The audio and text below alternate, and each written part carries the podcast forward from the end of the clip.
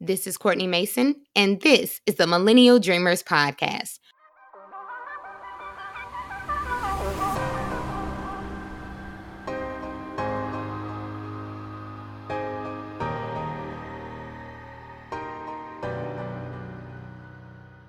Hello, hello. Happy May, Millennial Dreamers. Welcome back. You are tuned in to episode 98 of the podcast. We are just slow walking our way to the 100th episode, and I'm getting a little anxious. I'm not going to lie, thinking about what that milestone episode will look like. What are we going to talk about? Will I make a big to do about it, or is it just going to be something I'm grateful that I reached? I don't know. We shall see. But while we are on the topic of milestones, I've had to do a little bit of self assessing recently, and this was spurred on by friends and loved ones, which is why today's topic is about hard truths as they relate to the goals we set for ourselves. So, I have a question, and it may be one that makes you say, ouch. Here it is Have you considered whether or not you are the reason your personal goals have not and potentially will not be met. Said differently, are you unconsciously sabotaging the big idea, the mission for your life?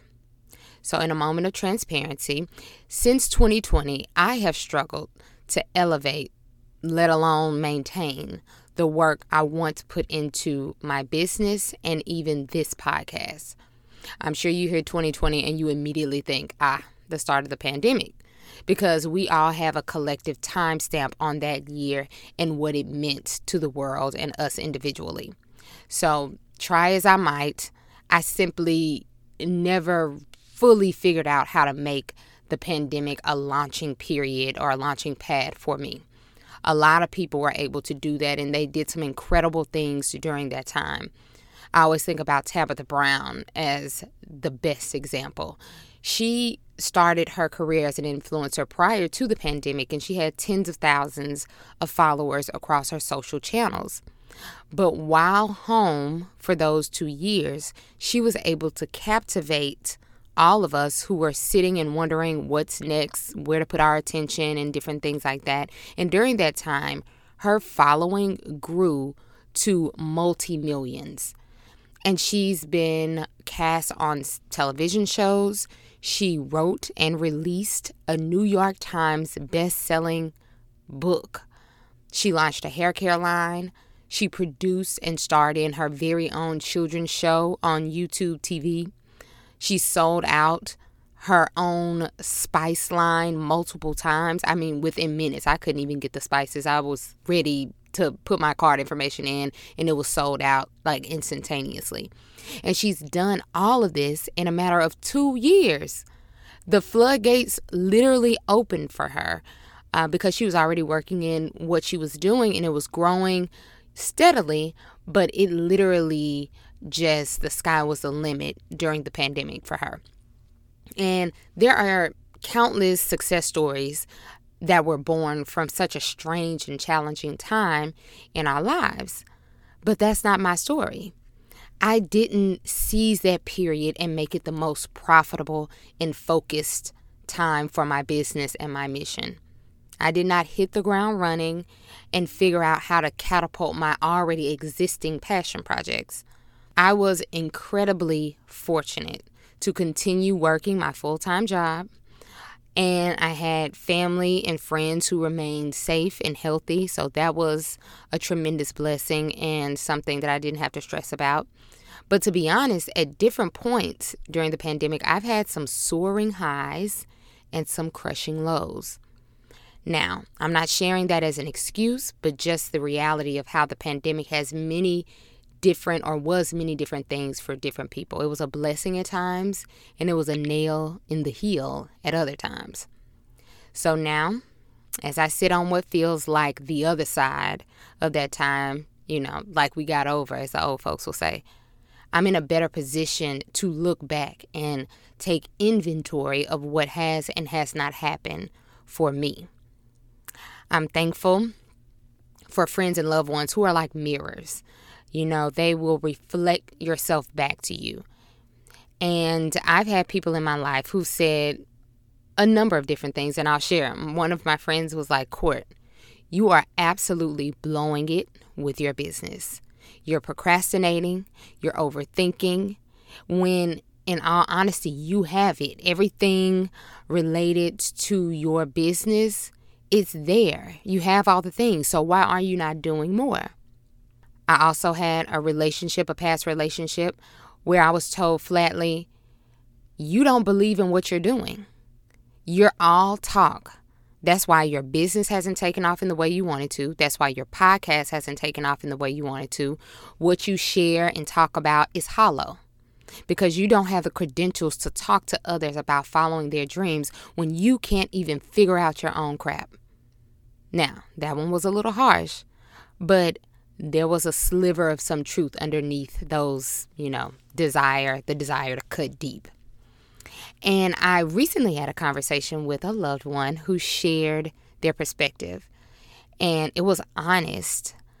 And, you know, the ego sometimes is like, oh, you know, you hear something that you know is true, but it's what you need to hear. And to be fair, the perspective and the um, thoughts were littered with support also.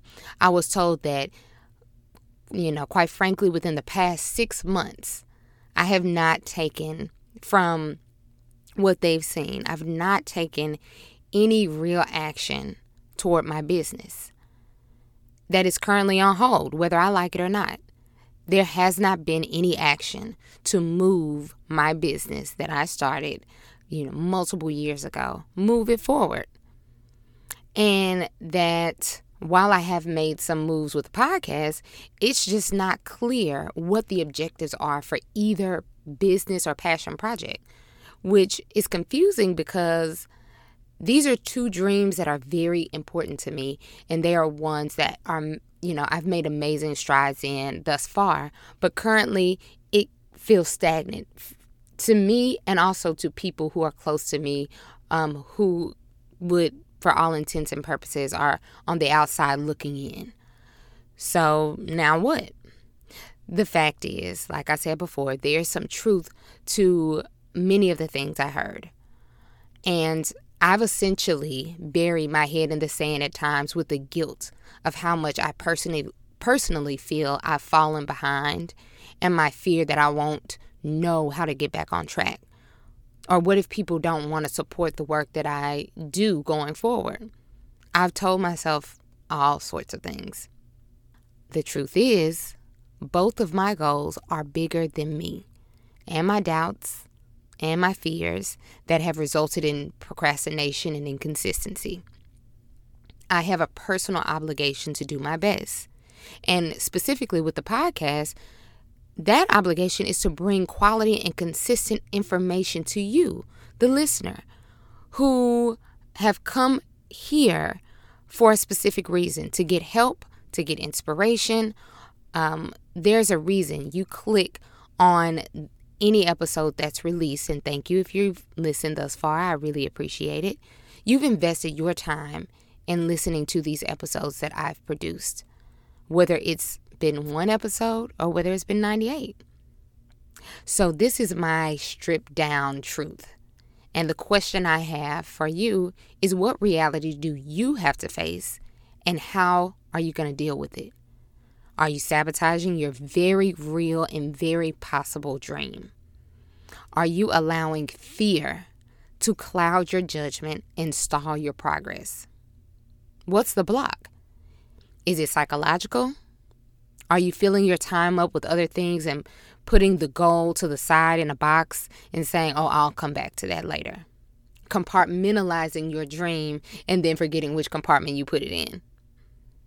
Is it financial? Have you focused on instant gratification, what you want right now, instead of what resources are needed to take you from a very small amount of progress to growing a team of people who will work to support your vision and maximize it with their ideas and skills? I'm currently facing this one right now. I'm doing an audit of all of my financial accounts and understanding my spending habits. Um, where is my money going? What are uh what amounts you know if there's loans or payments that need to be made what are those creating a budget and identifying how much it would cost to pay for the help that I know I need. Because I can't do it all myself forever and honestly think that I'll see growth. It's just not possible. There are not enough hours in the day and more importantly someone else has the skills that I lack. So I say all this to say the uncomfortable conversation that you may need to have is with yourself.